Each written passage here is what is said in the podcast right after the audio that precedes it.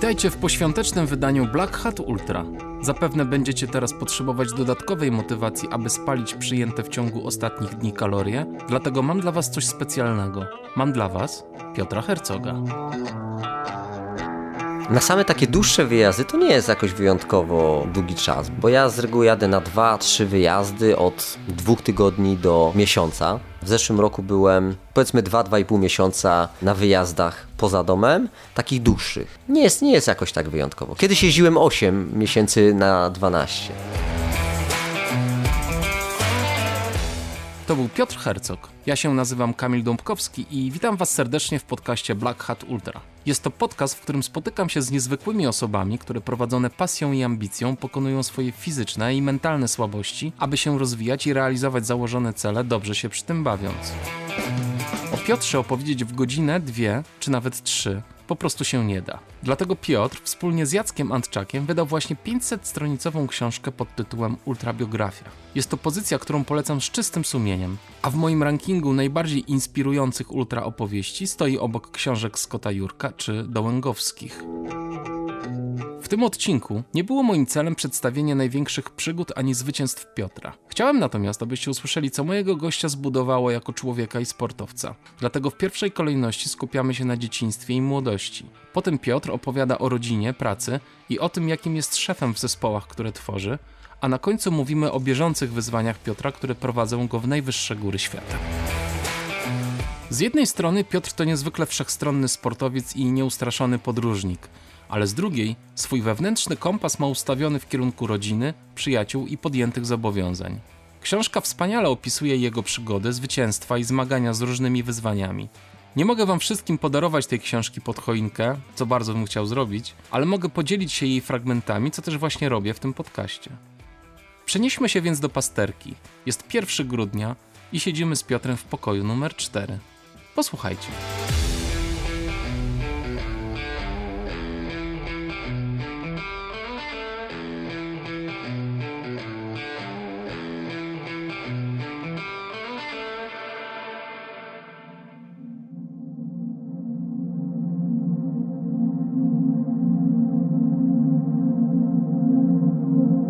Jak to jest, jak się umiera, gdy spadasz w przepaść? Nie, nie czujesz strachu. Raczej żal, że to już, że jeszcze tyle można było zrobić, a tobie nie będzie to dane. Gdy leciałem w dół, myślałem tylko, szkoda, że ginę tak młodo. Ale byłem z tym dziwnie pogodzony. Okej, okay, stało się. Przed oczyma zmieniały się kadry, a w tym filmie z życia, co było dziwne, przewijały się jakieś nieistotne zdarzenia i twarze. Moi kumple, jacyś nauczyciele. Piotr miał 16 lat. Skończył pierwszą klasę ogólniaka i po pierwszym czy drugim wypadzie w Tatry i nieudanej próbie zdobycia Gerlacha postanowił, że czas zostać alpinistą. Już, natychmiast, teraz. Piotr od dziecka był znany z tego, że chciał realizować swoje pomysły, a szalone pomysły goniły te jeszcze bardziej szalone.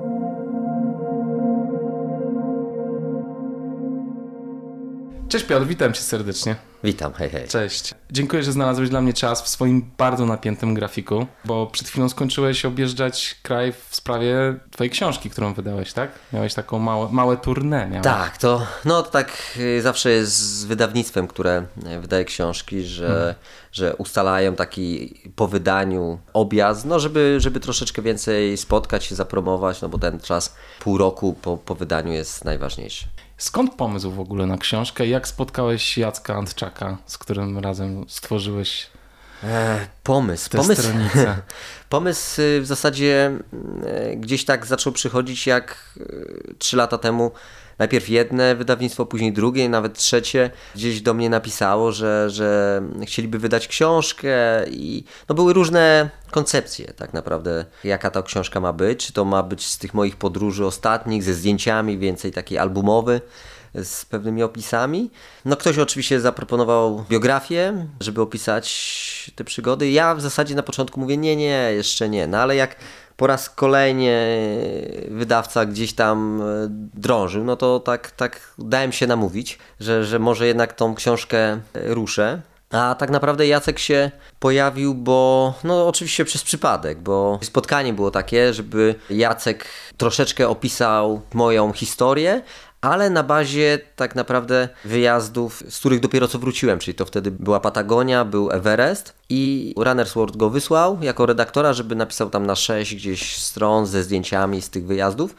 No a Jacek jest y, taką osobą bardzo dociekliwą, jak w zasadzie przyjechał do mnie do Kudowy, zaczął nagrywać, słuchać, wypytywać, to on w zasadzie po czterech godzinach tak drążył tematy, a tak dużo go ciekawiło, bo, bo się te tematy u mnie w życiu gdzieś tam, bo chciał całą historię, a on po czterech godzinach w zasadzie do swoich pytań nie dotarł. No właśnie.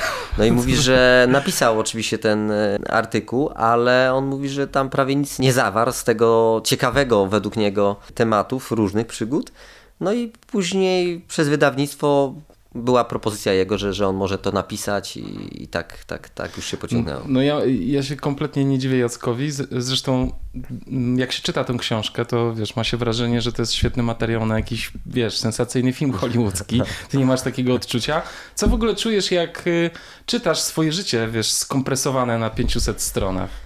No to jest miłe oczywiście uczucie, no mhm. bo z jednej strony te przygody ta pamięć się zaciera i, i gdzieś tam po iluś latach miło jest, jak, e, jak jest to spisane, bo, bo Jacek też się postarał o to, że część tych wyników, miejsc czy gdzieś tam startów, ja już nawet dobrze nie pamiętałem. Ja nigdy nie robiłem takiej statystyki gdzieś, żeby to było zapisane, które miejsce, ile było tych startów. E, natomiast Jacek, e, no dzięki internetowi, dociekliwie gdzieś tam drążył, plus dzwonił jeszcze po osobach, które gdzieś w tych historiach występowały i były znaczące. I myślę, że to też jest taki plus tego wydania, że nie dość, że Jacek właśnie nie tylko się posiłkuje tym, co ja powiedziałem, ale do tego internet, do tego te rozmowy i wypowiedzi ich na, na mój temat, na temat danej historii. Jeszcze do tego przeskakuje w czasie, to myślę, że to, to, to nie jest taka bardzo nudna książka, biografia na zasadzie pojechałem, przebiegłem, przyjechałem, no bo to nie taki był zamiar. Tak, nie, no absolutnie w twojej biografii nie może być nic nudnego tak naprawdę, bo zrobiłeś tyle rzeczy, wiesz, przez, przez te lata i tak e, zróżnicowanych rzeczy, wiesz, no zwiedziłeś prawie cały świat, biegałeś, czy też brałeś udział w różnych zawodach, w różnych dyscyplinach i zimą, i latem, i wiesz, w każdych warunkach atmosferycznych, więc tu wiesz, o nudzie nie ma, nie ma mowa. Rzeczywiście Jacek zrobił niesamowitą robotę, wiesz, rozmawiając i z twoimi starymi trenerami, i z kolegami, i z żoną, wiesz, no to jest, e, świetnie się, świetnie się to czyta, naprawdę. Chciałem, wiesz, troszeczkę, nie chcę opowiadać, co się dzieje w tej książce, bo mam nadzieję, że wszyscy ją kupią, ale chciałbym poruszyć kilka tematów takich głównych, plus zapytać cię o kilka rzeczy, których w książce nie ma. I mam do ciebie pytanie, bo ty tak naprawdę, jak właśnie twoja mama mówi w książce, ty zacząłeś już przejawiać taką chęć eksploracji świata i podróży już nawet jak byłeś małym chłopcem w wieku pięciu lat. Także u ciebie to nie wynikało z tego, że ty uciekałeś od czegoś, od swoich rówieśników, albo od szkoły, albo od rodziców, tylko ty po prostu taki się urodziłeś. Myślę, że tak, że to taka chęć chyba poszukiwania nowego, poznawania, no gdzieś tak od, od, od początku była, no bo ja w wieku lat y, czterech bodajże uciekłem już z przedszkola, ale dlatego uciekłem. Nie, że rówieśnicy byli niefajni, czy coś się działo, tylko po prostu po obiedzie musieliśmy leżakować. I to leżakowanie w dzień, gdzie mi szkoda było czasu, spowodowało, że ja, no wtedy oczywiście bunt był, no i cicho ciemnie w wieku lat czterech uciekłem z tego przedszkola. Pobiegłem chyba 400 metrów w wieku lat czterech, tak, tak jak mówię, e, bo wiedziałem, gdzie mój tata pracuje, a tam taka wielka fabryka z y, wartownią, bo to był przędzalnia czesankowa Elanex. Mój ojciec miał tam biuro. No i ja przez tą wartownię powiedziałem, że idę do tego i tego pana, żeby zaprowadzili, zaprowadzili, nie? No w obecnych czasach jakby dziecko zginęło z przedszkola, no to by była jakaś chyba wielka afera, nie?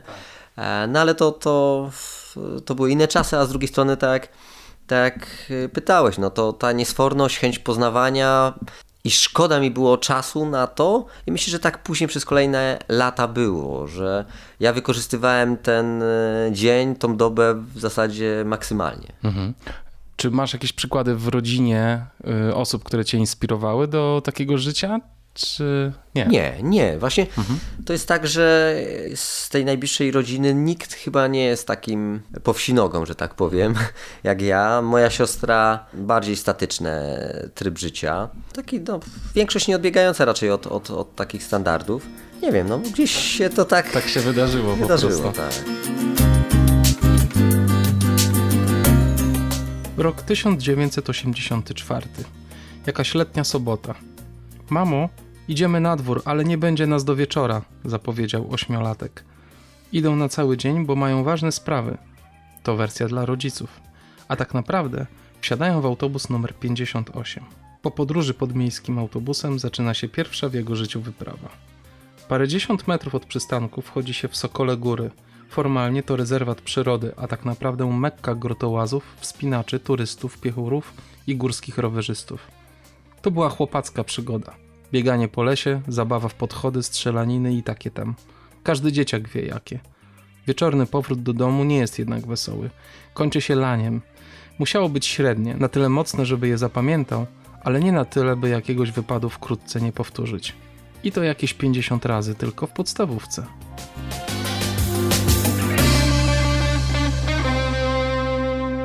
Twoje dzieciństwo i młodość to jest tak naprawdę pomieszanie wielu, w cudzysłowie, dyscyplin. Wtedy to tego tak nie traktowałeś, ale, ale to były i skałki, i biegi na orientację, i zabawy w jaskiniach. Jak się w ogóle wtedy przygotowywałeś do uprawiania tych aktywności? Czy to miałeś jakiegoś guru, czy po prostu sam to rozkminiałeś w jakiś sposób? To był żywioł. Aha. Po prostu żywioł, no oczywiście z perspektywy czasu, tych doświadczeń, które nabrałem przez wiele lat, no to to, że siedzę tutaj, że żyję, mhm. to dużo miałem szczęścia, bo naprawdę wiele takich sytuacji sam oczywiście prowokowałem, czy prowokowaliśmy z partnerami e, z tych lat młodzieńczych, no bo nie mieliśmy żadnego doświadczenia, nie mieliśmy dobrego sprzętu. To jak pytałeś, jak się przygotowaliśmy, to z reguły to było tak, no tu się przeczytało książkę jakąś, która natchnęła do chodzenia po górach wysokich czy do wspinaczki. No to oczywiście to była Jura, później były Tatry, ale ten sprzęt jeszcze w koniec lat 80., początek 90., no to był dla nas niezmiernie drogi. W Polsce w zasadzie tego zachodniego sprzętu to nie było. No mieli ci najlepsi w Polsce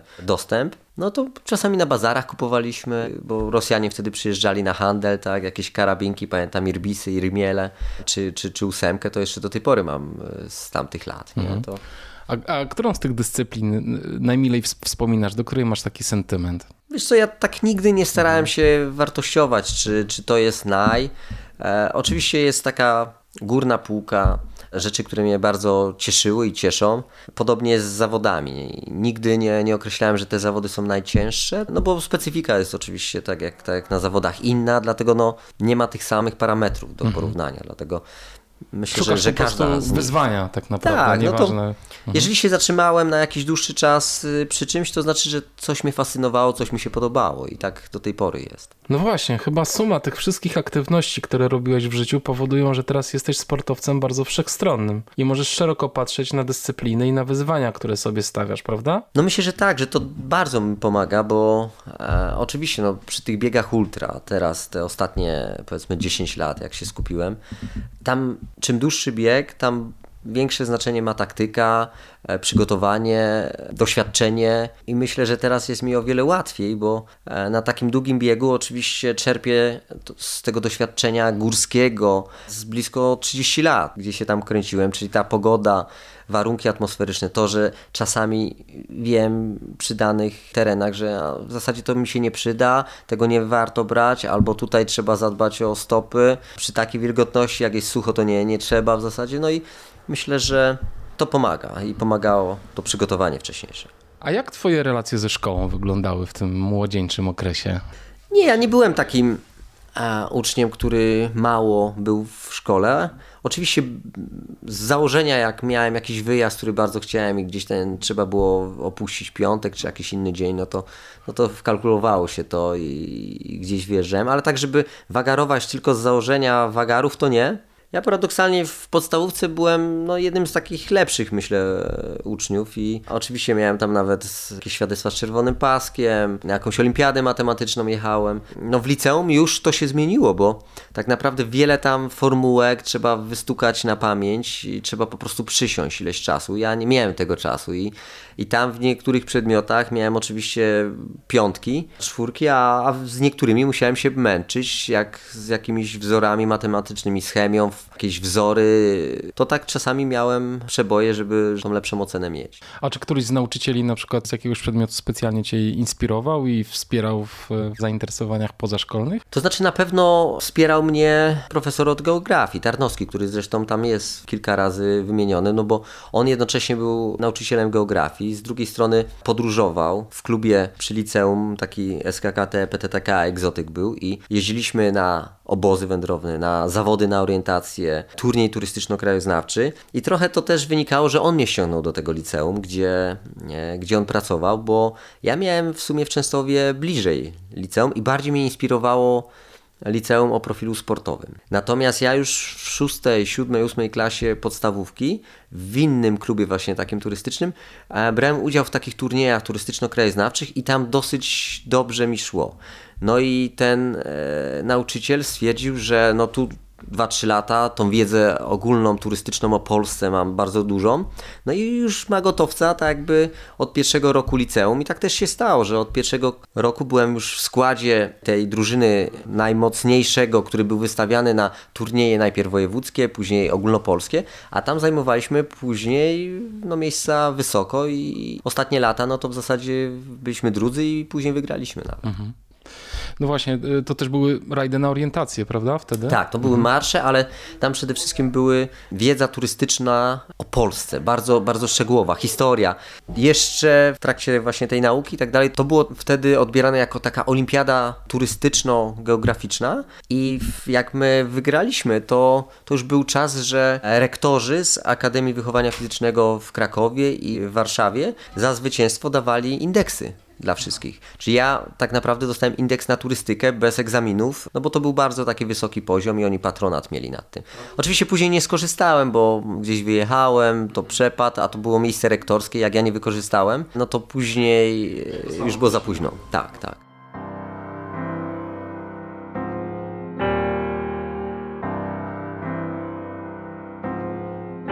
Chociaż Herzog nie startował w żadnych zawodach biegowych, ani po płaskim, ani w przełajach, a tym bardziej w górach aż do 2009 roku, to przecież biegał już od 8 roku życia i to przez 10 lat.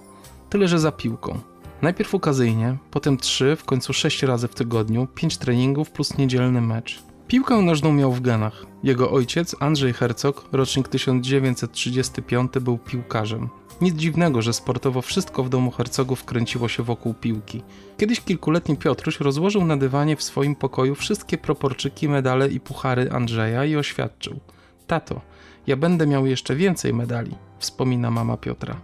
Spełniło się, chociaż akurat nie w tej dyscyplinie sportowej.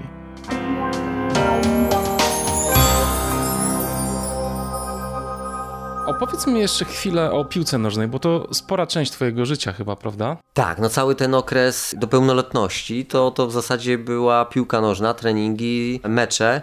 No właśnie, to było dla mnie sporym zaskoczeniem, ta piłka nożna, ale twój ojciec... Y, tak, tak. Myślę, że to była ta inspiracja w kierunku piłki, no bo mój ojciec y, przez blisko 30 lat y, grał, trenował. Później już nawet pod koniec swojej kariery był zawodnikiem, ale i trenerem. E, w klubie w Częstochowie, w, w takim mniejszym, Wiktorii Częstochowa. No i oczywiście też chciałem być jak tata, no bo jak każdy młody trochę na rodziców spogląda i chce w tą stronę iść, dlatego ja te jeszcze za czasów trampkarzy w podstawówce zacząłem chodzić, no i tam te ileś lat mnie myślę też ukształtowało z punktu widzenia takiego rozwoju ogólnego, sportowego, dyscypliny sportowej, higieny, to jest myślę, że, że, że to też duży, duży plus jest na, na przyszłość. Mhm. No tak, Jakąkolwiek miałeś... sportową, ale no to... właśnie.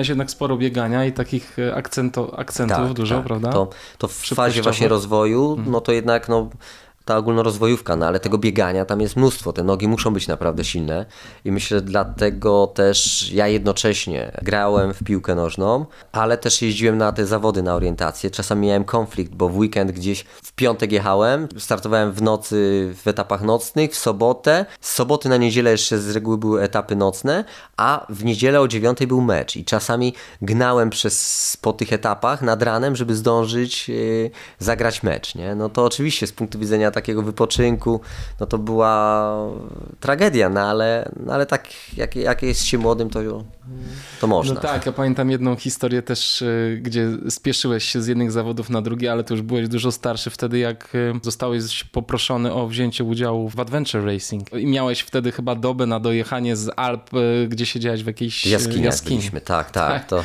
to też było tak, że ja w, startowałem w tych rajdach już od kilku lat, no w różnych konfiguracjach z zawodnikami, natomiast byłem na wyjeździe jaskiniowym w Austrii. No i w zasadzie mieliśmy wracać. Natomiast otrzymałem telefon, że jeden z zespołów bardzo silnych wtedy, no silniejsi byli na pewno postrzegani za takich mocarzy w Polsce, no wypadł im zawodnik, że przeziębił się, oni w zasadzie już są na miejscu, już przygotowują się do startu w Karpaczu, czy bym nie wystartował, nie? Mówię, kurczę, wiecie co, no ale jestem w Austrii, nie, teraz, no, czyli no daleka droga, zawody są w zasadzie e, następnego dnia. No, no niby wracam, ale mam mało czasu. No może być się udało tego. No i tak było, że dojechałem wieczorem gdzieś tam do, do Katowic, pociąg do Częstochowy. Pakowałem się na rajd zimowy, który miał 450 km, czyli byliśmy 5 dni na trasie, ale przy rajdach przygodowych no to trzeba mnóstwo tych y, rzeczy mieć, bo i mapniki, ilość ubrań, rower, y, tam narty biegowe, E,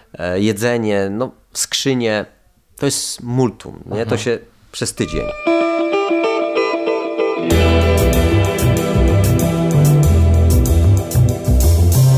Pieprze to. Co to w ogóle ma być? Przecież to nie ma sensu. Najpierw kazali nam skoczyć z 8-metrowego wodospadu do rwącej rzeki i Asia z teamu, który podążał tuż za nami, prawie się utopiła. A teraz walą w nas pioruny i dostałem odłamkiem w plecy, a Andrzej od paru godzin gada od rzeczy. Nie, te całe Adventure Race to nie są żadne rajdy przygodowe, tylko jakiś obłęd. Trenujesz miesiącami, wydajesz tysiące na sprzęt, a potem ryzykujesz życie, nie kończysz zawodów i nic nie masz z tej zabawy. Tak sobie myślał Piotr i chyba cały jego team, nieco panicznie zbiegając ze szczytu jakiejś chorwackiej góry w poszukiwaniu bezpiecznego schronienia.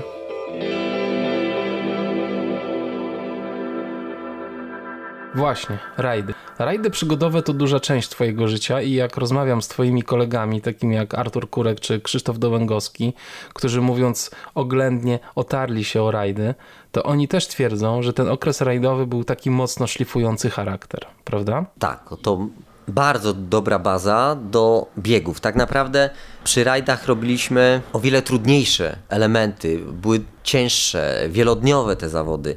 E, dystans był o wiele dłuższy.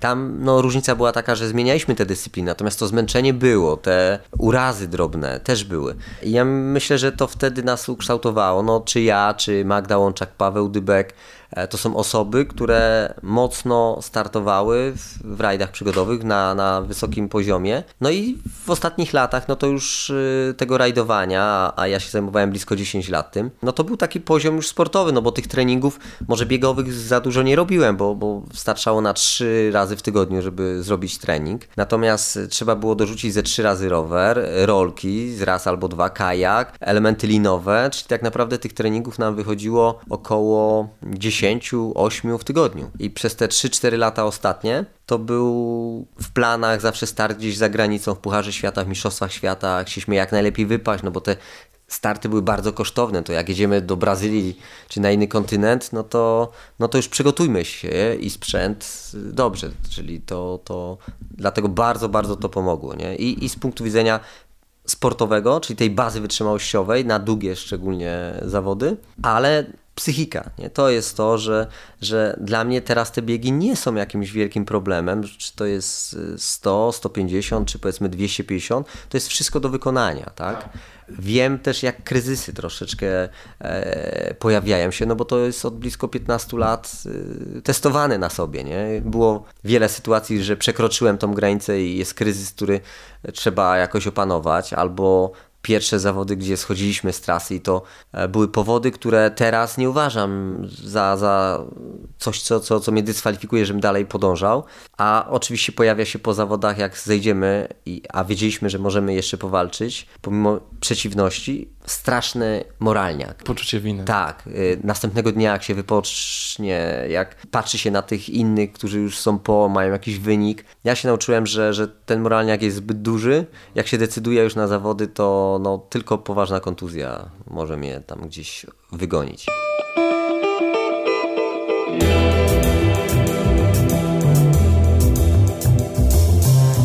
Jedziemy dalej. Słońce przygrzało. My w tych ciepłych gaciach rowerowych do kolan, a poniżej całe nogi mamy pokiereszowane przez kolce i jeżyny, czyli pamiątki po wcześniejszych odcinkach. Jedziemy i nawet się dziwimy, jak ci Szwedzi to robią, że te ich szutry są takie super równe. Przecież mają surowy klimat, śniegi i deszcze regularnie niszczą drogi, a oni utrzymują porządek nawet na podrzędnych trasach. W pewnym momencie wyprzedza nas piaskarka, ta sama jak u nas, gdy zimą sypie piasek. Tylko, że ta szwedzka wyrzuca na drogę jakieś białe kuleczki. Co to za kulki rozpylają, zastanawiamy się, a jakieś pół godziny później mija nas polewaczka. Zapindala szybko i leje mnóstwo wody na tę drogę. Kurczę, co jest? Przecież się nie kurzy, co oni robią? Okazało się, że te białe kuleczki to był granulat do kleju. Takie chemikalia, które wiążą ten szutr, żeby był twardy i nie robiły się dziury na drodze. Oni to polewali, my jechaliśmy w tę samą stronę, ale nie chcieliśmy się zatrzymywać i czekać, żeby to przeschło, bo przecież czas gonił. Jedziemy dalej i klej, który powstał z tej mieszaniny, zaczął pryskać po nogach. Ta cała chemia się wżerała w nasze rany i otarcia. Wpadała też pod nasze stroje kolarskie. W gaciach i na nogach mieliśmy wodę wymieszaną z klejem. Zaczęło nas to strasznie palić. Wiele godzin na siodełku, do tego stany zapalne od chemii i tak parzyło, że Arthur z Iriną nie mogli już tego wytrzymać. Irina, której to na dodatek w krocze wlazło, płakała, ale twardo jechała dalej. Mega twarda zawodniczka, niesamowicie zawzięta. Artur w pewnej chwili pyta się, czy mam izotonik. Pół bidonu zostało, no to mu dałem, bo myślałem, że chce się napić. A on polał po nogach, żeby spłukać ten żrący klej. Po jakimś czasie mówi, że już nie daje rady z bólu. A tu wody nie było gdzie nabrać, żadnego jeziorka, kompletnie nic. No to nasikał sobie na nogi i to wszystko spłukał. Irina wyje z bólu, Artur sika sobie na nogi i tak wygląda to nasze rajdowanie.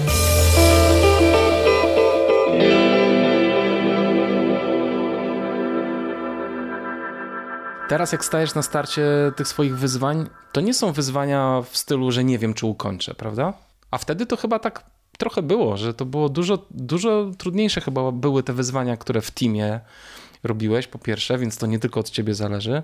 No i przede wszystkim same te wyzwania, to były też wielodniowe historie. Jak to postrzegasz? To oczywiście, no ja teraz nigdy nie, nie, nie podchodzę do tego, że stoprocentowo wiem, że ukończę. No ja się raczej jestem przekonany, że staję na starcie do wyzwania, który jestem w stanie pokonać i, i jeszcze z jakimś określonym, powiedzmy, czasem. No właśnie, dla ciebie wynik teraz jest ważny, prawda? Dosyć jest ważny, natomiast nie najważniejszy. Mhm. Ja może te, te pierwsze pięć lat jakoś tak e, wpadłem w wiry wyniku, podnoszenia tego wyniku, jakichś zawodów, rankingów i, i w pewnym momencie złapałem się na tym, że nie sprawia mi takiej przyjemności wyjazd w piękne miejsce, a, a moją ideą od zawsze tak naprawdę były podróże, poznawanie fajnych miejsc, ludzi, cieszenie się takim wyjazdem, a w pewnym momencie pamiętam, jadę na zawody w piękne miejsce, jest dużo rzeczy do zwiedzenia, ale jadę sam, no bo nikt nie może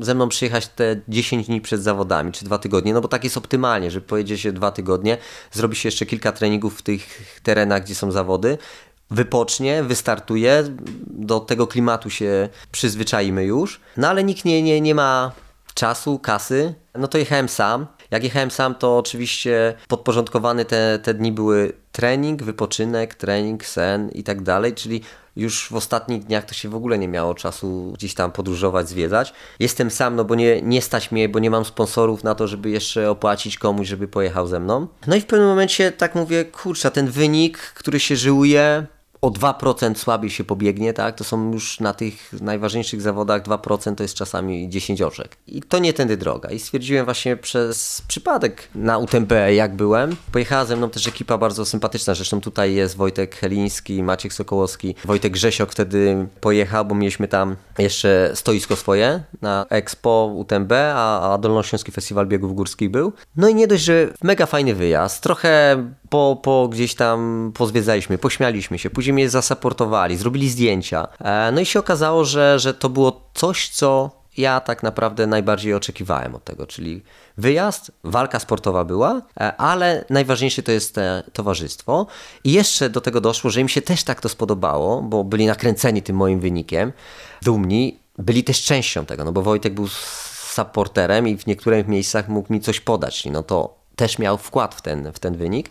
No i Wojtek się tak podkręcił, a to podróżnik, y, taki obieży świat, który wspinał się i w Patagonii w wielu, wielu miejscach był. Człowiek orkiestra, który stwierdzi, a to ja załatwię kasę, pojedziemy na bajkę i tam wygrasz. Ja mówię, no dobra, no wygrasz. No tak wiadomo, to, to jak łatwo mówić, nie? Ale okazuje się, że po miesiącu załatwił kasę. Pojechaliśmy tam całą bandą. Do tego oczywiście jak jest jakiś dobry wynik, no to jest łatwiej, bo ja jak no pracuję, nie jestem zawodowym sportowcem, czyli wiele godzin poświęcam na pracę, to jeszcze muszę znaleźć ten czas na trening, ale już nie ma wtedy czasu, żeby napisać artykuł, żeby poszukać sponsorów, na, zrobić ofertę, a też nie mam zdjęć, no bo nikt ze mną nie jeździ, tak? No i to jest takie kółko zamknięte i wielu sportowców myślę, że nie tylko z biegów, ale, ale popada w taki problem, że jadą na zawody, ale mają rewelacyjne miejsce, natomiast później telewizja, czy ta medium największe, mówimy o jakichś takich dużych już yy, stacjach, chce cię zaprosić, ale musisz pokazać fajnie kilka zdjęć albo jakichś filmików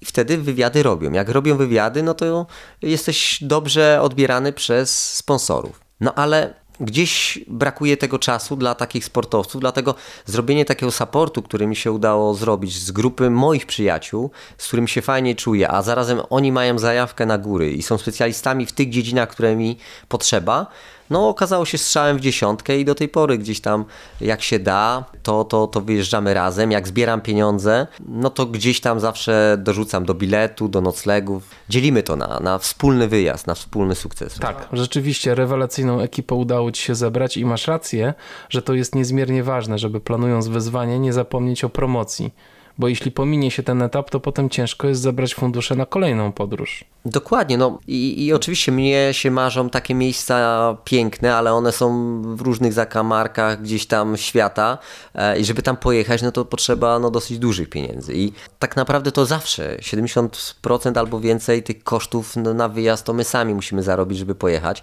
Czasami jakiś sponsor jest lepiej lub gorzej, ale no mam taki właśnie skład i wybieramy takie miejsca, które z jednej strony nam się bardzo podobają, ale można tam zrobić jakieś wyzwanie. I taka jest idea. A do tego, jeżeli dojdzie jakiś dobry wynik sportowy w miejscu ładnym, który nam się podoba, ale też jest dla mediów materiał fajny, żeby opowiedzieć o tym, no to to się wiąże, tak? Bo media powiedzą, Polak wygrał jakiś najdłuższy albo najtrudniejszy, bo oczywiście ja wiele, wiele tych określeń sam nie daję. Ja nie lubię określania najtrudniejszy, bo tak naprawdę e, czy najlepszy zawodnik, kto jest najlepszym zawodnikiem w Polsce ultra, no albo ten najlepszy, jak to czasami ktoś mnie przedstawia, najlepszy biegacz. No tak nie jest, nie? Ja, ja z tym walczę, natomiast no nie mamy autoryzacji do każdego e, wpisu. Z tym nie da się, media e, potrzebują takich dużych haseł, Poza tym tak, to przyciąga, nie? Dlatego ja się absolutnie nie czuję tak. jakimś mega mocnym biegaczem. Nie, nie, nie czuję się nawet w takim ściślym jakimś gronie e, z Polski e, najlepszy, bo, bo jest wielu młodszych, ambitniejszych i już bardziej wysportowanych niż ja. Mogę się zaliczać powiedzmy do jakiejś takiej szerszej grupy tych, którzy te wyniki gdzieś tam mają. No ale jak to media, nie? E, przyciągają, przedstawiają. No dla mnie to jest może oczywiście dobrze, no bo ten sponsor, ten widz, e, to później jest łatwiej, żeby była ta oglądalność, a to się przekłada, że jest łatwiej czasami o tych partnerów, sponsorów.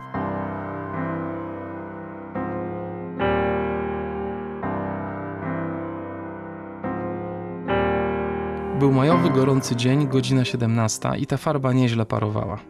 I tak maluję, maluję i czuję, że kurczę zaczyna coś mnie swędzić między nogami. Co jest grane, myślę. Nie mogę przerwać ani skończyć, bo jestem dopiero w połowie dachu. Lina jest za bardzo napięta.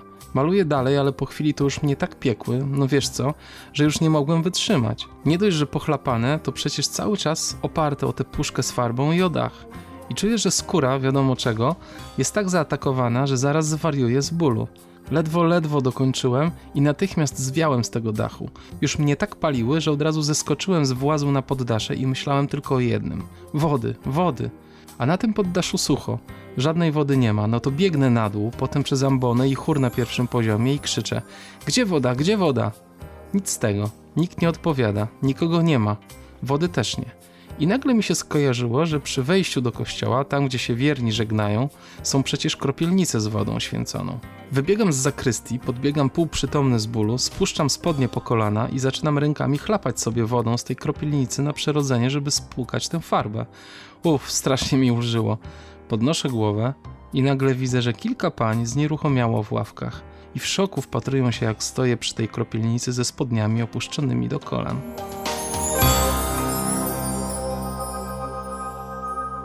No właśnie, dużo tutaj mówimy o, o sponsoringu, o zarabianiu. Ja chciałem się jeszcze cofnąć y, troszeczkę do Twoich młodzieńczych lat i spytać o to, jakich prac dorywczych się podejmowałeś, żeby zarobić na te swoje Ach. rzeczy, bo tak naprawdę mieszkałeś w Częstochowie, w, cie, w trudnej dzielnicy. Tak, tak, tak. Gdzie w ogóle to już był okres, kiedy ty mocno musiałeś rywalizować ze swoimi rówieśnikami o szacunek, o jakąś Opozycję pozycję. Taką, tak, prawda? tak, dokładnie to. E, wyobrażam sobie, że nie było w tym dużych pieniędzy od strony rodziny, musiałeś na wszystko pewnie sam zarobić. Jakich zawodów się podejmowałeś, żeby dopiąć swój podróżniczy budżet? Tak, no my pochodzimy z rodziny takiej niezbyt zamożnej, no taki średni stan, jeszcze wiadomo, że za czasów komunizmu, no to już niewiele tam miało się, tak? W jakimś dużym fabryce, zakładzie moi rodzice pracowali, czyli no to klasycznie było, no na, na wyjazdy, na na jakiś jeszcze sprzęt czy cokolwiek, to nie było kasy w ogóle. No, czasami dorzucali mi kilka, kilka groszy. No wtedy były jeszcze pociągi, tanie PKS-y, no to, to na to starczało, tak? No jadło się byle co oczywiście, ale żeby wyjechać nawet gdzieś tam po Polsce, no to trzeba było dorobić i to była przeróżna robota. No bo co na przykład? Na początku oczywiście jak była możliwość gdzieś rozładowania kontenerów czy tira z jakimś cementem, klejami, no to mieliśmy 12 lat, 13 i to się wszystko robiło. Przekopywanie jakichś rowów, prace porządkowe, no to, to, to było takie najłatwiejsze po szkole, tak? No bo wtedy można było złapać kilka groszy. No ale, ale później jak się te liny pojawiły, no to prace na wysokościach. No to już były trochę lepiej płatne. Ja już gdzieś tam w wieku lat 14 trochę chodziłem. Oczywiście nie miałem e, żadnych kursów, no bo nie stać mi było, a później już mi było szkoda iść na kursy, no bo, no bo przecież prawie wszystko wiedziałem. Oczywiście no prawie, no bo później jednak te, te braki były, no i doszkoliłem się w pewnym momencie, ale... No właśnie, to w ogóle jesteś samoukiem chyba, prawda? Tak, no od, od początku prawie we wszystkim, no to gdzieś tam sam gdzieś do czegoś dochodziłem, raczej nie na kursy szkolenia, no i Cóż, no ta, ta kasa, tak jak, e, tak, jak, tak jak mówiłem, no to gdzieś była i z e, prac na kościołach, na dachach, na jakichś e, elewacjach. Tego już było dosyć dużo. A było jeszcze malowanie szlaków turystycznych, no projektowanie. Właśnie, to było, słuchaj, niesamowite. Jak czy, czytałem tę książkę, ile ty zaprojektowałeś szlaków sam. To nie to, że je oznaczyłeś, ty je zaprojektowałeś. Mówimy o, głównie o szlakach rowerowych, dobrze tak, mówię? Tak, tak to jest w ogóle jakaś petarda i robisz to do dzisiaj. Tak, teoretycznie do dzisiaj. No, w zeszłym roku było tak, że, że nie zdążyłem oznakować, to oddałem jakąś część, bo to do Częstochowy jeżdżę i tam, e, tam to jest, dlatego była niewielka partia, już miałem jakieś wyjazdy, a trzeba było w terminach się zmieścić, dlatego nie znakowałem. I kiedyś to była dla Ciebie bardziej zarobkowa praca, a teraz jest to bardziej taka społeczna. Ile kilometrów oznaczyłeś tras rowerowych? Liczyłeś to kiedyś? Nie, nigdy też nie, tak jak mówię, nie, nie, no nie, tak, nie mam nie. czasu na te statystyki na zapisywanie, tak. ale myślę, bo to było tak, na początku jak byłem jeszcze w liceum, był kurs robiony przez ten klub turystyczny, znakarza szlaków turystycznych. No i tam można było, na początku były tylko szlaki turystyczne piesze. Natomiast później był taki boom w latach, e, myślę, 90., żeby znakować szlaki rowerowe. Na Jurze nie było żadnych szlaków rowerowych. No i przy tym boomie ja już trochę znakowałem tak dosyć znacząco, jeśli chodzi o procent odnawiania szlaków pieszych, czyli to doświadczenie zebrałem. W terenie byłem często, no i była propozycja, żebym zaprojektował szlaki rowerowe, bo jeszcze jeździłem trochę na rowerze wtedy. No i zaczęło się od pierwszych szlaków, a finalnie to myślę, że w obszarze byłego województwa częstochowskiego, no bo to tak mniej więcej ten obszar turystycznie podchodził pod PTTK i pod szlaki. Myślę, że ponad 500 albo i więcej tych kilometrów nowych, których zaprojektowałem było ale to się wiązało od zaprojektowania po wysłanie pozwoleń, znakowanie, odnawianie co 2-3 lata, mnóstwo urządzenia. Roboty. Tak, to jest mnóstwo Sam to roboty. robiłeś, czy miałeś jakąś ekipę? Nie, to z reguły było tak, że ja dobierałem kogoś, kto, kto no, musiał mieć doświadczenie, bo trzeba było to przyuczyć, żeby pewne schematy, normy przestrzegać. No ale później to już robiłem sam. To odnawianie szlaków czy malowanie nowych to często jest tak, że, że w kolejnych latach to robiłem solo, bo, bo robię w jedną stronę w danym kolorze, później powrót, no i, no i wychodziło to, to w miarę fajne. Niesamowite. Oprócz y, szlaków rowerowych jeszcze zajmowałeś się opieką schronisk, tak? Byłeś szefem schronisk. No tak, to praca, tak? praca. No zaczęło się Jak tak to, naprawdę no już na Jurze. To byłem taki chatkowy bardziej, bo, bo to nie było schronisko takie typowe, natomiast to była taka chatka do celu właśnie tutaj Maćka, który, z którym no, później mnie ściągnął do, do, do pasterki.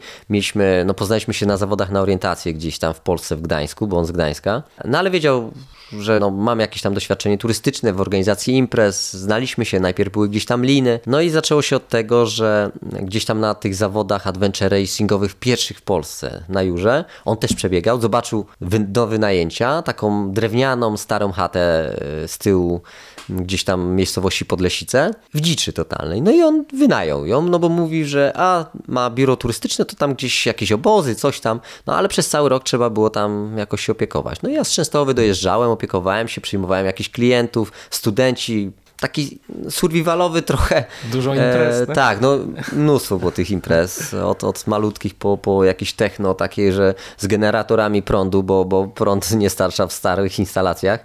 Przyjeżdżali, to aż się przeraziłem e, ze dwa razy. No ale to był też taki zwariowany czas. Fajna miejscówka taka do tego, żeby przyjechać z Częstochowy, jak mieliśmy chwilę czasu, no to godzina jazdy niecałe i tam po prostu impreza w, w dziczy, nie? Przy okazji później jakieś budowanie czy jakoś tam. A później była pasterka. Tak, później była pasterka. Było tak, że urodziła się nam córka, Marysia. Ja robiłem przede wszystkim na linach, dużo pracowałem, trochę na wysokości, gdzieś tam techniczne takie malowania, ale też mnóstwo było w sezonie pracy przy imprezach integracyjnych, liny dla dzieciaków, dorosłych, gdzieś tutaj na Jurze, szczególnie Podlesice i, i Olsztyn. No ale zima zawsze była słabsza. No i, i było tak, że Maciek mi proponował, zaraz jak wziął w dzierżawę, żebym przyjechał tutaj prowadzić schronisko, bo on dwa wziął i na Szczelińcu i w Pasterce. Ja mówię, nie, nie, nie, mam półroczne dziecko, no nie ma szans, nie? No ale tak zawsze mi się marzyło, bo, bo wyobrażenie, że jak będę gdzieś w górach, w pięknym miejscu w schronisku, to ja mam czas na wszystko, nie? Te,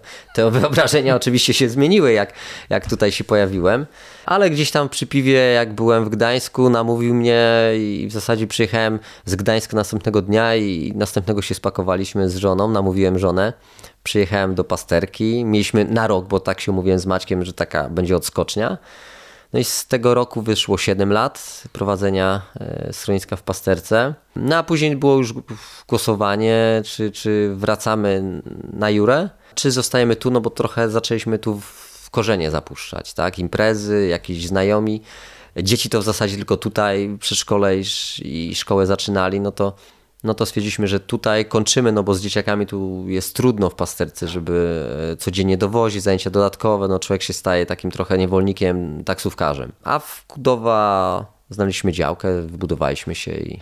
Mhm. Fajny, fajny dom z fajnym widokiem. Tak, naprawdę. Tak, jest, jest z jednej strony fajnie, bo mamy taki spokój trochę tej zieleni dookoła, blisko góry, gdzie mogę też pobiegać, ale jesteśmy na dole i dzieciaki sobie same chodzą do szkoły, mają koleżanki, mają zajęcia dodatkowe i każdy jest swobodny.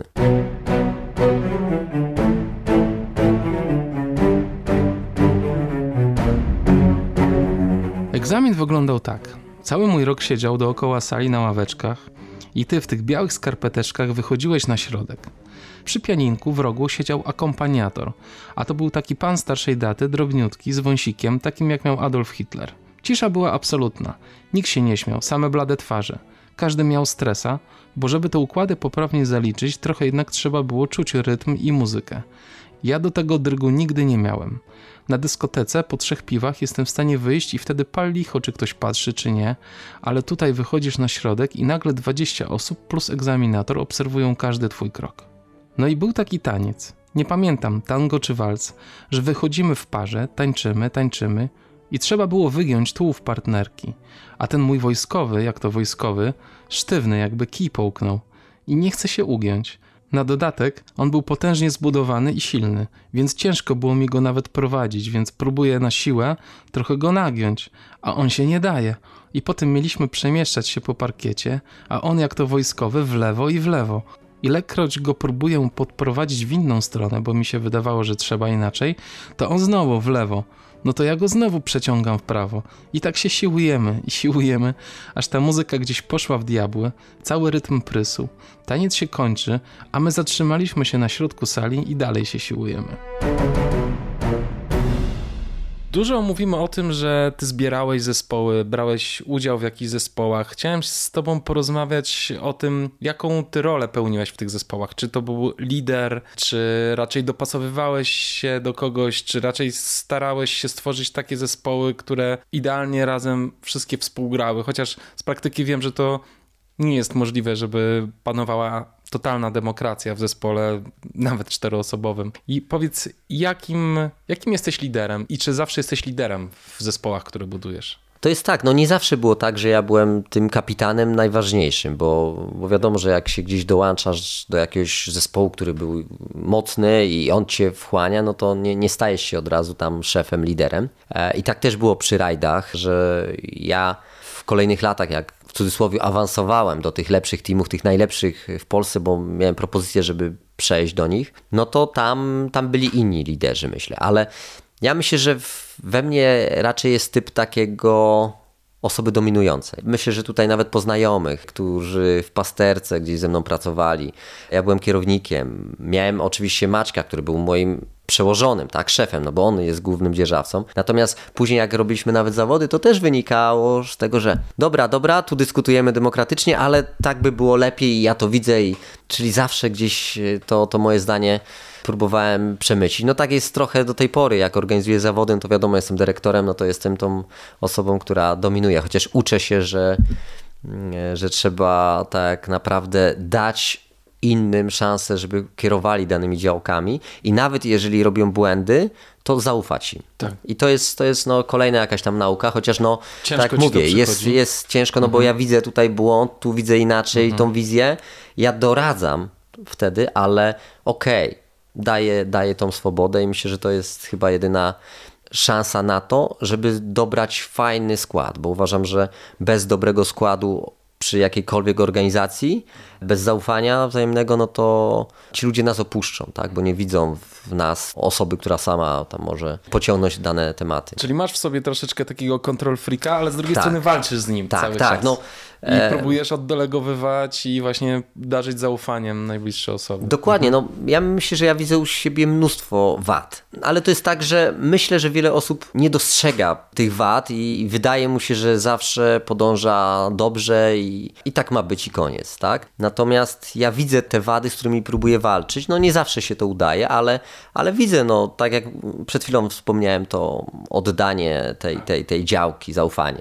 E, później, żeby jak się uda być bardziej wylewnym, więcej chwalić niż mówić o błędach. Natomiast ja mam, mam tą wadę, że wytknę te, te, te błędy, to, to, to, natomiast tego chwalenia to nie, no bo to tak już naturalne, no bo, bo czy się udało. To jest to oczywiste, tak? tak? To jest kolejna wada, z którą próbuję walczyć. Mhm. Wada z tym, żeby więcej czasu poświęcać rodzinie, tak? Że to, co mówię, że jak już jesteśmy razem w domu, to bądźmy razem, jak mamy ten czas wolny, a nie tylko obok siebie. Bo myślę, że wiele osób ma z tym problem, bo mówią, a jak ty wyjeżdżasz z domu, to nie ma ciebie w domu tyle czasu, jak rodzina wytrzymuje. A tu myślę, że jest kwestia taka, ja tak bardzo dużo nie wyjeżdżam, ale staram się i uczę, żeby jak jestem w domu, to żeby poświęcić ten czas rodzinie. Być z rodziną, nie obok rodziny, bo myślę, że wiele osób w korporacjach ma dzieciaki, ma rodziny, wychodzą o 7 rano, kończą o 20, w zasadzie widzą się godzinę, jeszcze położy się albo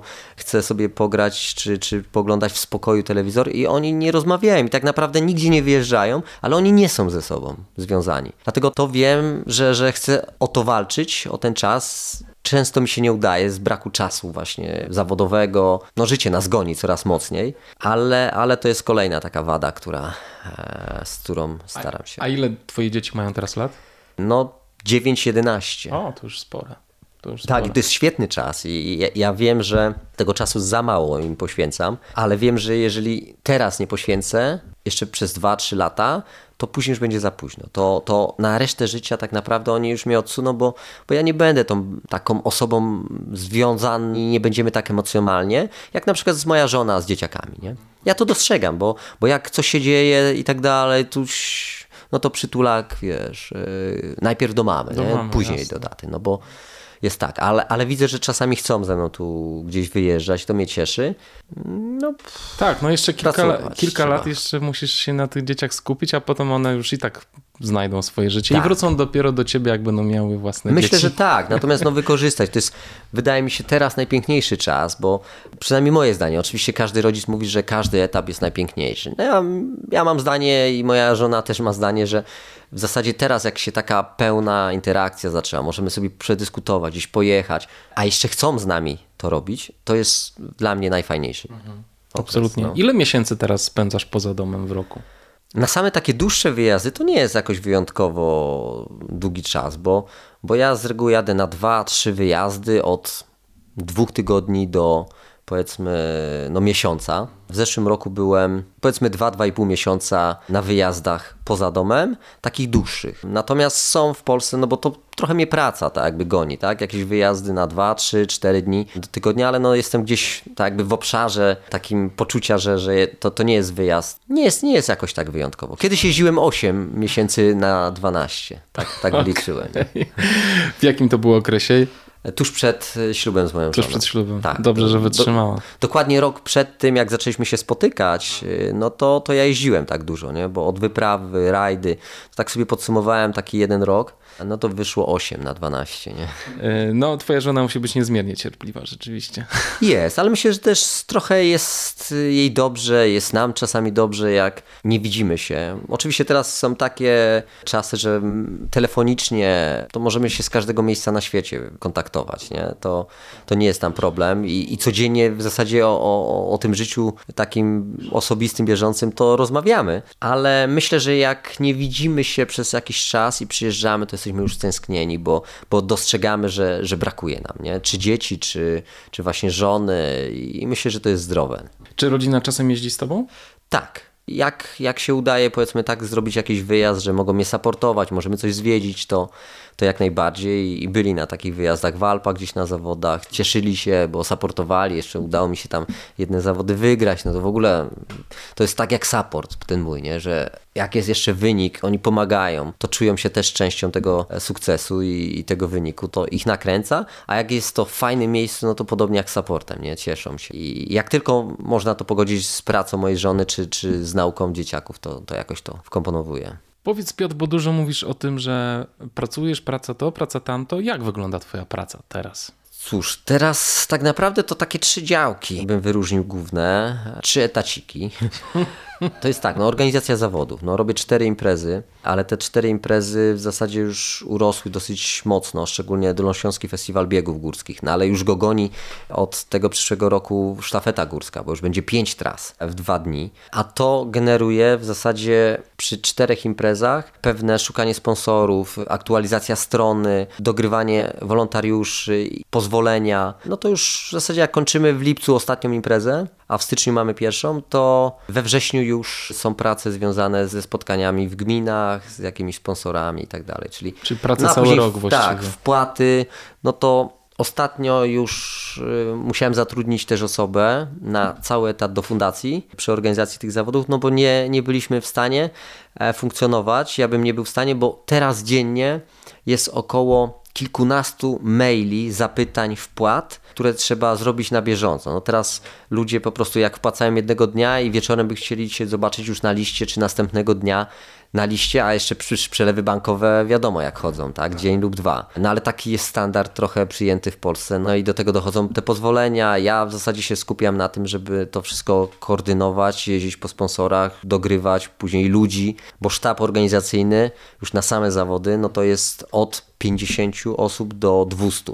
To są wolontariusze, organizatorzy firmy. No a trzeba co roku na każdą imprezę znaleźć ludzi, którzy będą szefować i znaleźć tych, którzy będą wolontariuszować, ale do, dla nich też trzeba trochę świadczeń, dograć szczegóły, no to jest to duża praca i to jest cała jedna działka. Natomiast jest jeszcze działka, nadal się nie wyrzuciłem ze swoich tak jakby prac, bo, bo nie chcę, liny, czyli od czasu do czasu robię jakieś liny na jurze, robię tutaj na szczelińcu jakiś most linowy dla, dla dzieciaków, już bardziej na zasadzie od czasu do czasu nawet mi pomagają instruktorzy, bo biorę te zlecenia jako moja firma i ktoś mi wykonuje, zaufanych ludzi, a czasami ja to robię. Nie? Czyli to jest kolejna jakaś działka, tylko ona jest taka okresowa i, i zmienna. No i jeszcze jakieś tam treningi. Mam kilkanaście osób, których prowadzę i trenuję. Właśnie spotkaliśmy się tu dzisiaj po, po trzydniowym takim weekendzie, bo raz w roku staram się zrobić dla tych, których prowadzę i rozpisuję co tydzień jakieś propozycje e, treningów. No to, to mieliśmy taki zjazd, żeby sobie o kalendarzu przyszłorocznym pogadać, bo to jest taki czas, gdzie zaczynamy już trenować. To spotkanie oczywiście zakończone huczną imprezą, tutaj jak widzę. Ale nie z nimi, nie, nie. To było tak, że weekend oczywiście okay. podczas tego spotkania możemy się tam napić piwa, ale raczej no, jesteśmy po to, żeby sobie pogadać o, o wszystkich sprawach związanych z treningami, wyjść nawet na dwa treningi. Byliśmy dzisiaj tutaj na wycieczce biegowej po czeskiej stronie górstowych, a ta impreza akurat, która tutaj była, to była taka w przerwie, bo ja, e, zresztą jak mówiliśmy, pracowałem 7 lat w pasterce. Jesteśmy w obiekcie, który należy tak do, do tej grupy pasterkowiczów. No i był cały weekend rozgrywany taki absolutny koniec lata, czyli taka impreza, koncerty, spotkania, jakieś różne trunki. No ja przyjechałem wczoraj wieczorem po, po tych naszych rozmowach, spotkaniach o dziewiątej, no i zabalowałem trochę do, do, do oczywiście późnych godzin, no bo koncert ostatni się skończył o czwartej nad ranem. Faktem jest, że cała moja górska przygoda zaczęła się od jaskiń i czasem się zastanawiam, czemu nie poszedłem w speleologię na całego. I nie potrafię sobie do końca na takie pytanie odpowiedzieć. Ale to jest chyba tak, że całe życie szukam nowych wyzwań i przygód i nigdy nie chciałem skupić się na jednej rzeczy. Tyle, że zawsze był jeden wspólny mianownik góry. Jaskinie, marsze, wspinaczka, potem powrót do jaskiń, rajdy, biegi Teraz trochę mnie ciągnie, żeby połączyć bieganie z szybkim wchodzeniem po górach i zdobywaniem kolejnych szczytów. To wszystko się ze sobą łączy, bo żeby się dostać albo zjechać do jaskini, trzeba podejść i się wspinać. Nawigacja i bieganie z rajdami i skyrunningiem. Himalaiści w ostatnich latach przywiązują znacznie większą wagę do wytrenowania kondycyjnego i dla nich najlepszym treningiem stały się biegi po górach, więc wielu z nich startuje nawet w zawodach. Niektórzy mają taką zajawkę, że robią to regularnie.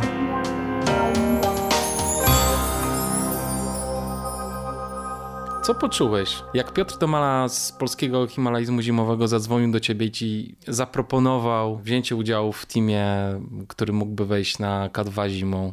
Co no, poczułeś? To oczywiście to. To, to ogromne wyróżnienie, prawda? Mm, to nie jest jak jeszcze taki team, e, który będzie wchodził na K2. To jest oczywiście mm, cały program, który ma za zadanie złapać ludzi, złapać doświadczenie tych ludzi, żeby było z kogo wybierać do tego najtrudniejszego celu, czyli K2 zimą, ale tak naprawdę celem też tego programu jest szkolenie w ogóle i podnoszenie poziomu himalaizmu, wspinaczki w Polsce. Ja no, mam kontakt z, z wieloma ludźmi właśnie z, z, tego świadka wysokogórskiego, wspinaczkowego, no bo te festiwale górskie, które my tu organizujemy, czy ja pomagałem trochę Maćkowi, a, a później byłem jako prelegent na, na wielu festiwalach w kraju, no to z innymi prelegentami często się spotykaliśmy ten wątek wspinaczkowy gdzieś tam, ja też miałem kilka epizodów, kilka lat, dlatego nie jest mi obcy. Trochę mnie ciągnęło kiedyś i teraz też mnie ciągnie w góry wysokie, żeby jeszcze popróbować właśnie, jak mam kondycję, szybkie wejścia. No i także to zaczęli dostrzegać ci najwięksi, którzy gdzieś tam jeżdżą, że to bieganie po górach jestem dobrym materiałem na to, żeby się poruszać. Jeszcze, że jak dowiedzieli się, że miałem te podstawy i mam cały czas linowe, no to jest łatwiej tak jakby takiej osobie, bo no bo teraz trochę ten himalaizm, alpinizm zmierza do tego, że, że szybkie wejścia, ale to musisz trenować tak naprawdę przez cały rok. No i masz szansę na, na fajne jakieś szczyty, wyniki. No i ja od kilku lat już się przymierzałem do tego, że jak skończę biegać, jeszcze, a jeszcze rok pobiegam, jeszcze rok pobiegam, to zacznę trochę iść w kierunku gór wysokich. No a Piotrek mnie trochę wyprzedził. Może dlatego, że, że ja czasami rozmawiałem i z Piotrkiem Pustelnikiem, bo mamy jakieś wspólne plany. Nawet tu zresztą był dzisiaj w nocy i balowaliśmy razem. I już mi coś mówił, że coś już się pojawiło ciekawego, ale pogadamy to nie na imprezie, tylko w tym tygodniu. E, I myślę, że, że jak oni dyskutowali, to gdzieś tam padło moje nazwisko.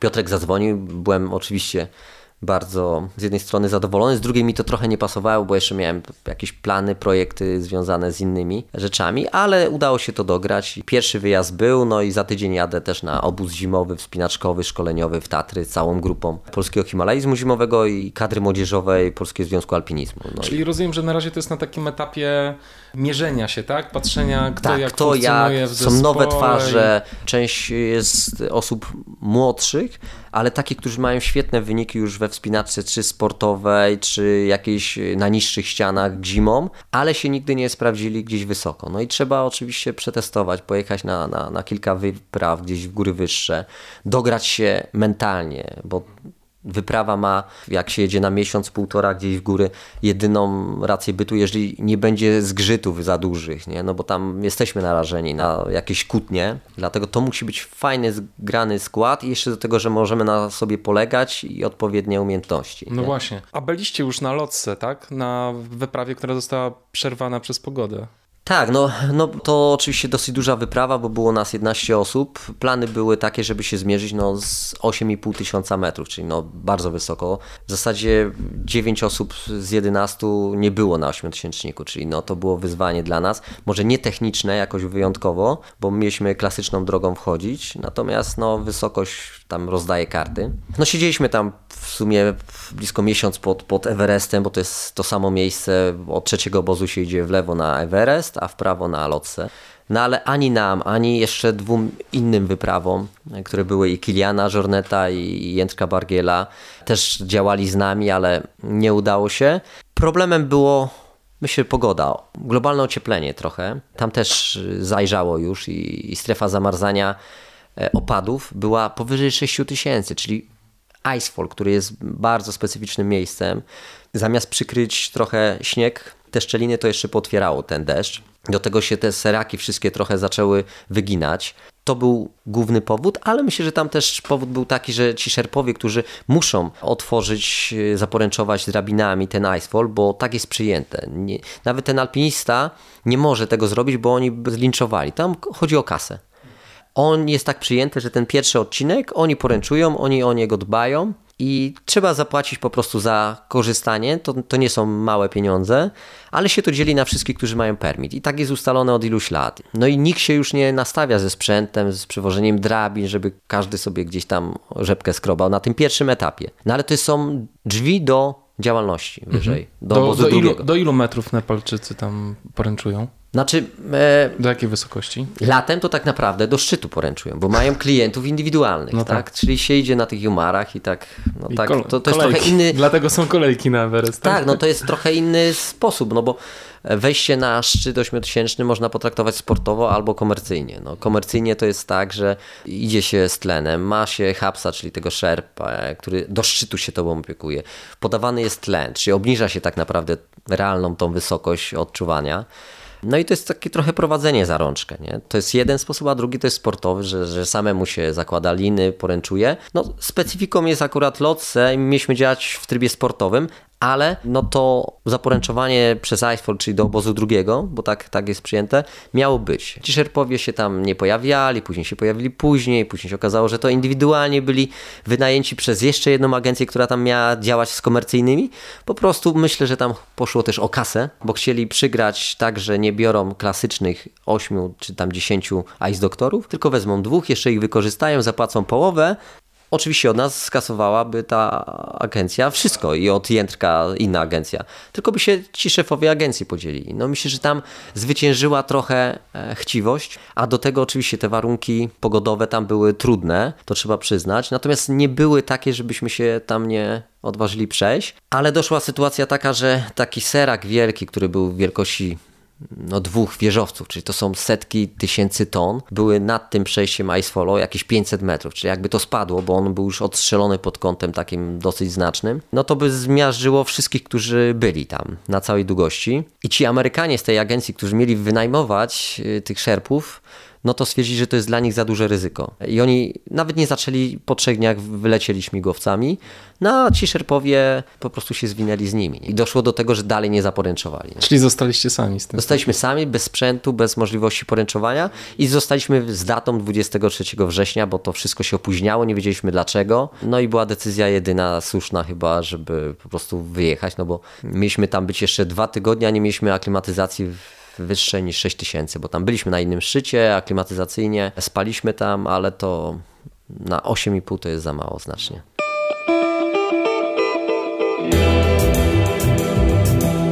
Od kilku lat nie ukrywałem, że wyprawy w góry wyższe coraz bardziej mnie pociągają, ale spokojnie się do tego przymierzałem. Chciałem najpierw wejść na siedmiotysięcznik, potem na niski ośmiotysięcznik i zrobić to na sportowo. Gdyby wszystko było ok, bo przecież nie wiadomo jak mój organizm sprawdzi się w najwyższych szczytach, to pomyślałbym o kolejnych wejściach. To byłyby wejścia szybkie, zdobywanie szczytów w stylu alpejskim i szybkie zejście, właściwie zbiegnięcie, bez tej mozolnej wspinaczki, z omijaniem obozów. Trochę jak to robi Kilian Jornet, trochę jak Jędrek Bargiel, tylko bez zjeżdżania na nartach. Taki miałem pomysł ale jeszcze nie zdążyłem sprawdzić, jak zareaguje organizm. Propozycja Piotra Tomali była więc bardzo kusząca. To wyzwanie i przygoda.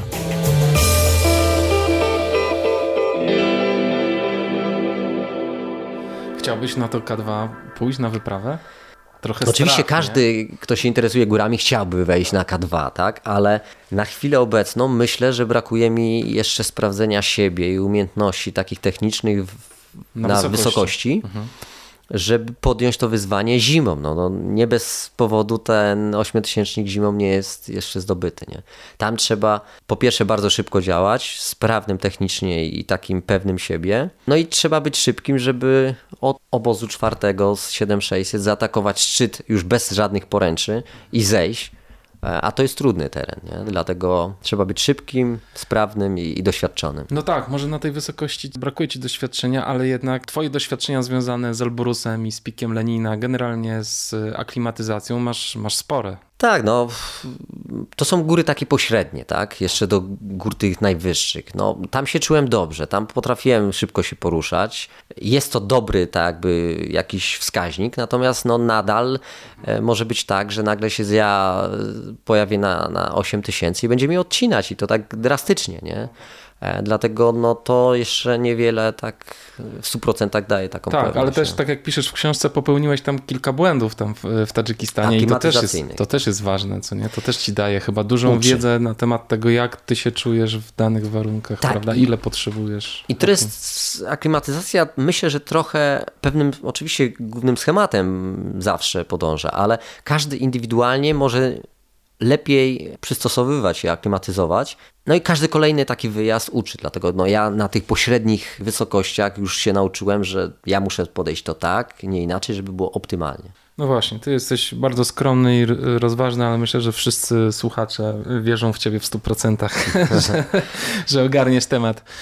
Wspomniałeś Piotra Pustelnika. Ja wiem z, z jakichś różnych lektur, że macie plan y, wyprawy na Antarktydę i wiem, że zbieracie środki teraz na to. Jak, na jakim etapie jest ta wyprawa?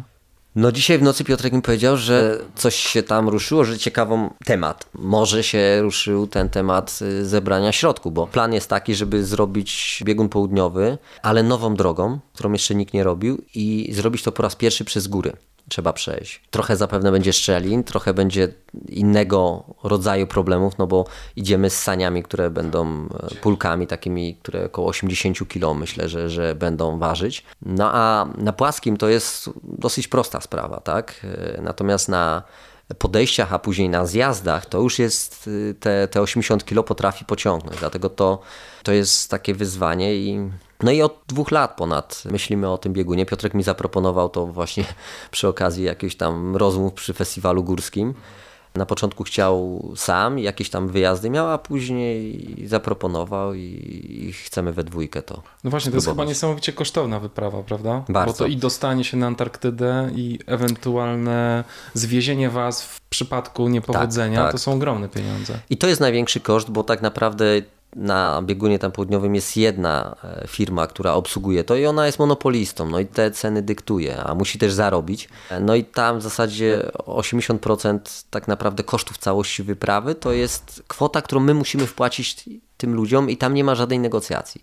I to jest kwota rzędu 350-400 tysięcy złotych, którą musimy wpłacić. Plus jeszcze zapewne ze stuwa to wyjdzie sprzęt, jakieś przeloty powiedzmy tam do, do, do Chile, bo dopiero stamtąd ten, ten samolot leci. Nie? To tak to jest. No, dlatego myślę, że, że no, ten, ten finans też powoduje, że do tej pory nie, niewielu było ludzi, którzy e, zdecydowali się na, na takie wyzwanie. Tak? No ciekawe, co ci Piotr powie w przyszłym tygodniu. E, słuchaj, ale e, jesteście już po pierwszej swojej takiej testowej wyprawie na Spitsbergen? Tak. Na, na Newton Topen? I powiedz mi, to był twój pierwszy raz na nartach z pulkami? Tak, Czy z pulkami, już... tak, mhm. tak. To w zasadzie nie były pulki, tylko takie pośrednie pomiędzy pulkami a saniami, ale no ale podobna zasada. Jak na nartach biegowych e, oczywiście wielokrotnie byłem. E, no tak. Na tych rajdach przygodowych gdzieś tam się człowiek szlajał, nawet na tych e, nartach cross country, tak? No bo tak. to są najbardziej chyba optymalne, że, że są wąskie, ale mm, z drugiej strony możemy tam jeszcze foki założyć i mają krawędzie. Buty specjalne, oczywiście takie do, do, do nart biegowych, ale ocieplane na, na biegun. Trochę testowaliśmy właśnie sprzęt, siebie i fajnie. 11 dni e, szliśmy, 5 dni, 6 w jedną stronę tam na ten szczyt, e, bo to tak na środku powiedzmy takiego terenu górskiego. No i później z powrotem też szliśmy około 5-6 dni. No fajnie, bo oczywiście po wyjściu gdzieś tam z tych, tych zatok no to może tak naprawdę śniegu, ale Spitsbergen jest świetny, no bo tam są jednak skały, są góry i, nie da się nudzić, bo cały czas jest góra dół, góra dół. E, a trochę nam na tym zależało, że oprócz właśnie tych temperatur, rozbijania namiotu, tej nauki ciągnięcia, zjazdów, no to jeszcze trochę walka z tymi pulkami na zjazdach.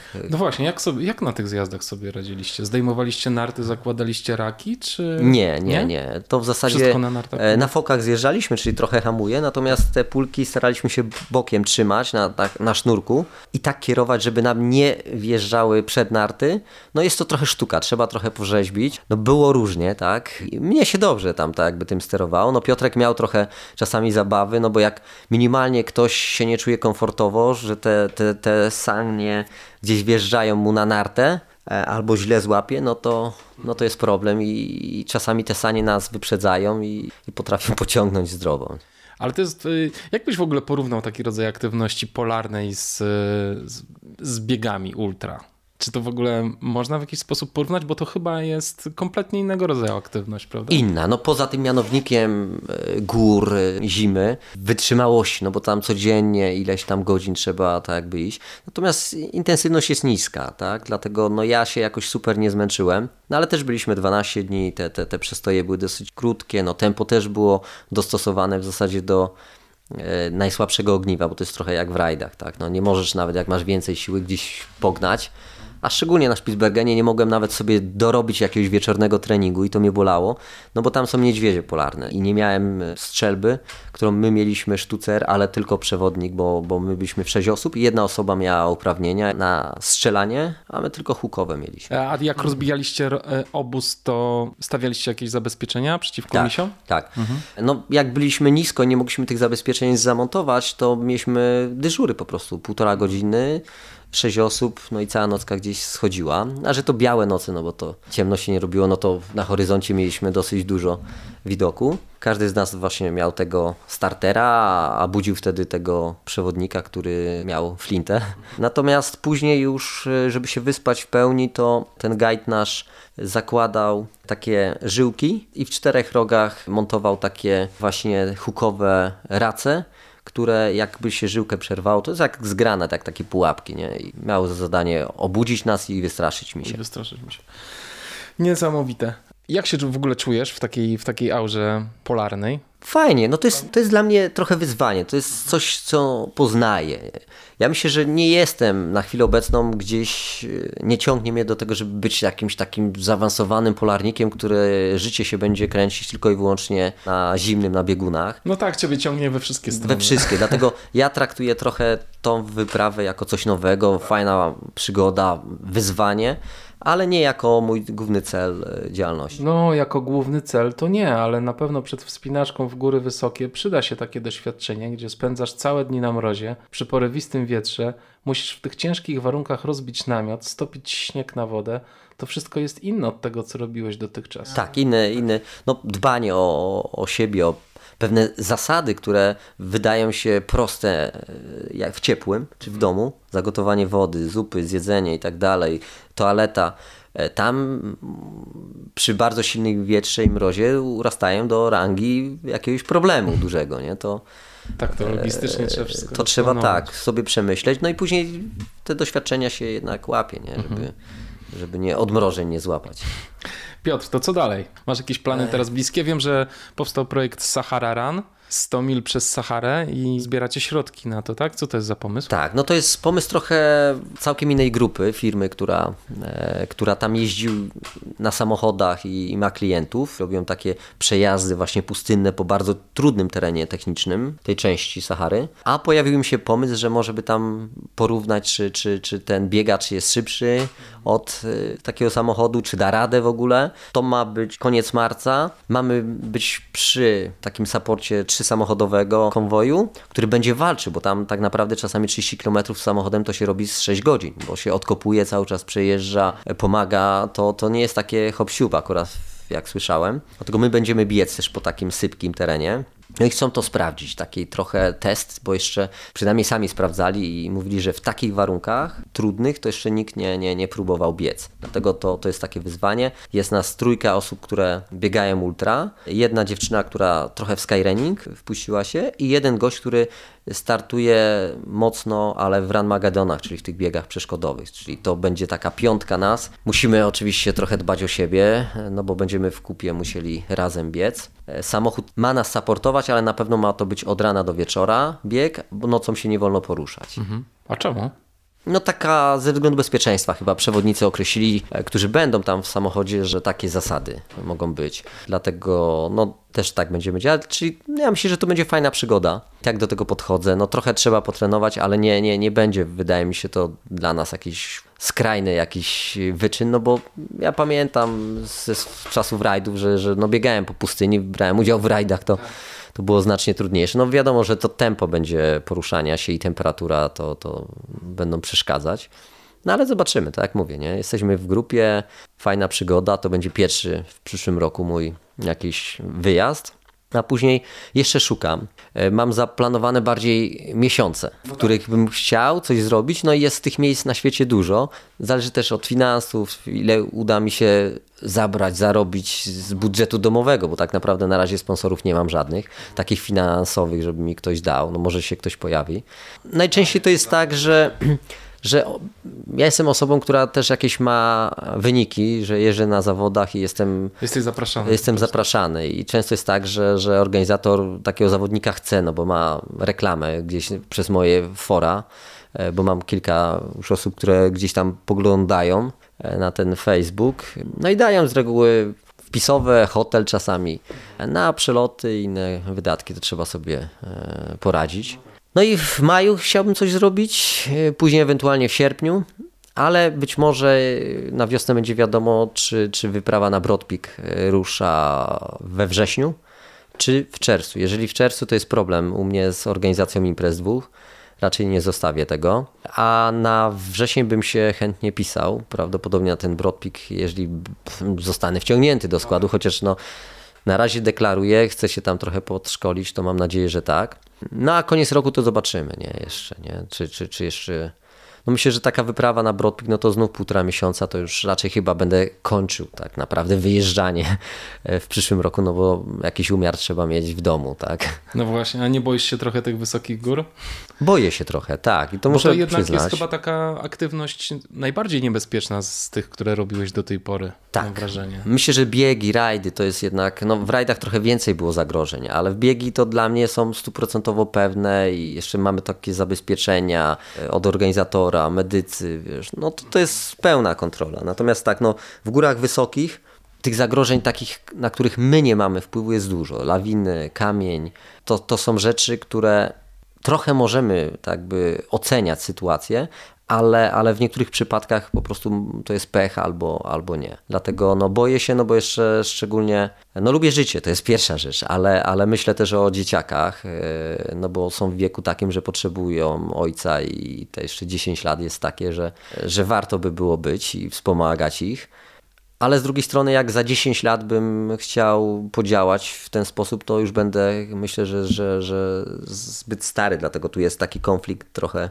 tych tematów. No, staram się naprawdę to zagrożenie minimalizować i jestem raczej z tych osób, które w danym momencie zawróci, nawet jakby to było blisko szczytu, niż jak przegnie tą granicę. Życzę ci tego, żebyś, e, jak będziesz w takiej konkretnej sytuacji, żebyś rzeczywiście odpuścił. Ja podchodzę do tego, że każdy z Himalajstów, spinaczy to są ludzie, którzy właśnie kochają życie i to podkreślają wielokrotnie, że nie jadą się zabić, nie jadą przekraczać jakichś granic, których e, no, nie powinno się przekraczać. Jest to pasja, a tak naprawdę no, zginąć można wszędzie. No, jeżeli będziemy się hamować do każdej rzeczy, która przysparza jakieś zagrożenie, no to w zasadzie nie będzie rozwoju, tak? bo, bo do niczego, bo nawet biegi górskie, narciarstwo może spowodować, że, że jednak no, jest to ryzyko. A myślę, że bez tego nie będzie rozwoju, nie będzie radości. No, człowiek ma taką naturę, że, że żeby być szczęśliwy, musi mieć cele.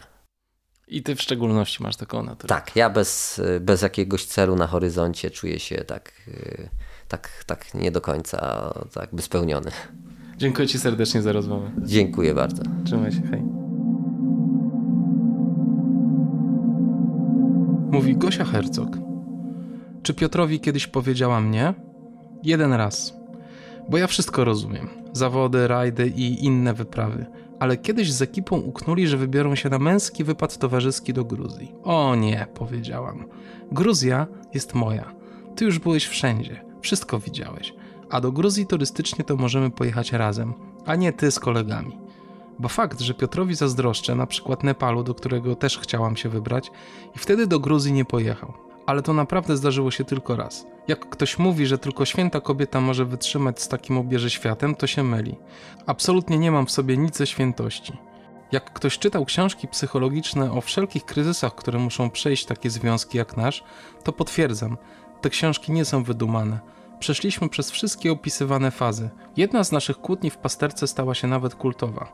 Maciek Sokołowski był jej świadkiem. Siedział w biurze schroniska, miał uchylone drzwi, które dyskretnie zamknął, gdy krzyczałam, że wciąż jesteśmy wśród ludzi i nawet się spokojnie pokłócić nie można.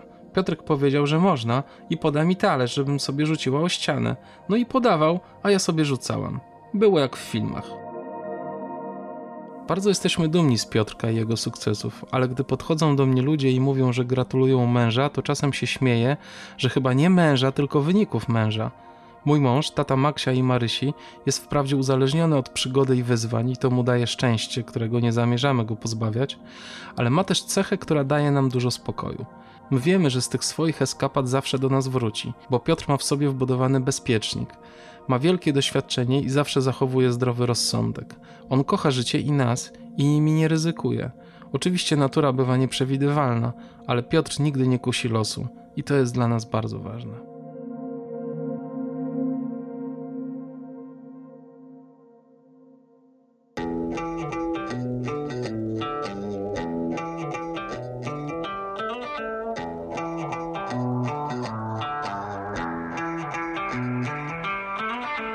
No i jak wam się podobało? Jak widzicie, Piotr ciągle goni za przygodami, a do tego jest uśmiechnięty i pozytywny. Z jednej strony, Piotr to niezwykle wszechstronny sportowiec i nieustraszony podróżnik, ale z drugiej, swój wewnętrzny kompas ma ustawiony w kierunku rodziny, przyjaciół i podjętych zobowiązań. Książka wspaniale opisuje jego przygody, zwycięstwa i zmagania się z różnymi wyzwaniami. Jakbym mógł, to bym wam wszystkim podarował ją jako prezent pod choinkę.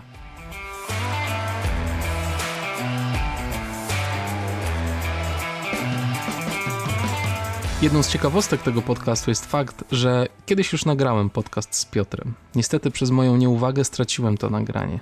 Jeżeli kiedyś zastanawialiście się, czemu na liście podcastów Black Hat Ultra nie ma odcinka 10, to właśnie dlatego. Aby pozostał ślad po tym wydarzeniu, postanowiłem zostawić ten numer niewykorzystany. Od tamtego niefortunnego zdarzenia czekałem na odpowiedni moment i inspirację na rozmowę z Piotrem, a wydanie książki właśnie tę sprzyjającą sytuację stworzyło. Chciałem w tym miejscu bardzo podziękować osobom, które wspierają mnie na Patronite. W tej chwili jest Was 14 osób. W szczególności chciałbym podziękować trzem osobom, które wspierają mnie na poziomie czwartym. Są to Krzysztof Bednarz, Marcin Stefaniak i Marcin Jaźwiecki. Jeżeli chcecie wesprzeć ten podcast, to zapraszam na patronite.pl łamane na Black Hat Ultra. Dziękuję Wam serdecznie za wysłuchanie tego podcastu. Zapraszam Was też do wysłuchania pozostałych, już ponad 30 odcinków Ultra Historii. Jeśli Wam się podoba to, co robię, wspierajcie ten podcast na social mediach i umieszczajcie informacje o nim w relacjach, postach i na tablicach. Niech wieść się niesie i słuchaczy przybywa. Życzę Wam wspaniałego nowego roku, spełnienia wielu marzeń i zrealizowania nowych wyzwań. Mam nadzieję, że ten podcast chociaż w niewielkim stopniu się do tego przyczyni. A jeśli ktoś mnie jeszcze słucha, jeśli jeszcze tu jesteś, tak, ty, zatrzymaj się na 15 sekund, zamknij oczy i poczuj swój oddech.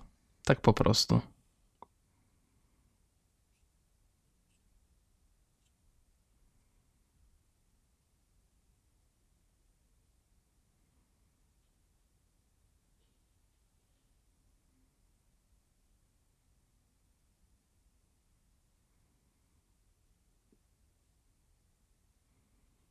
Busca.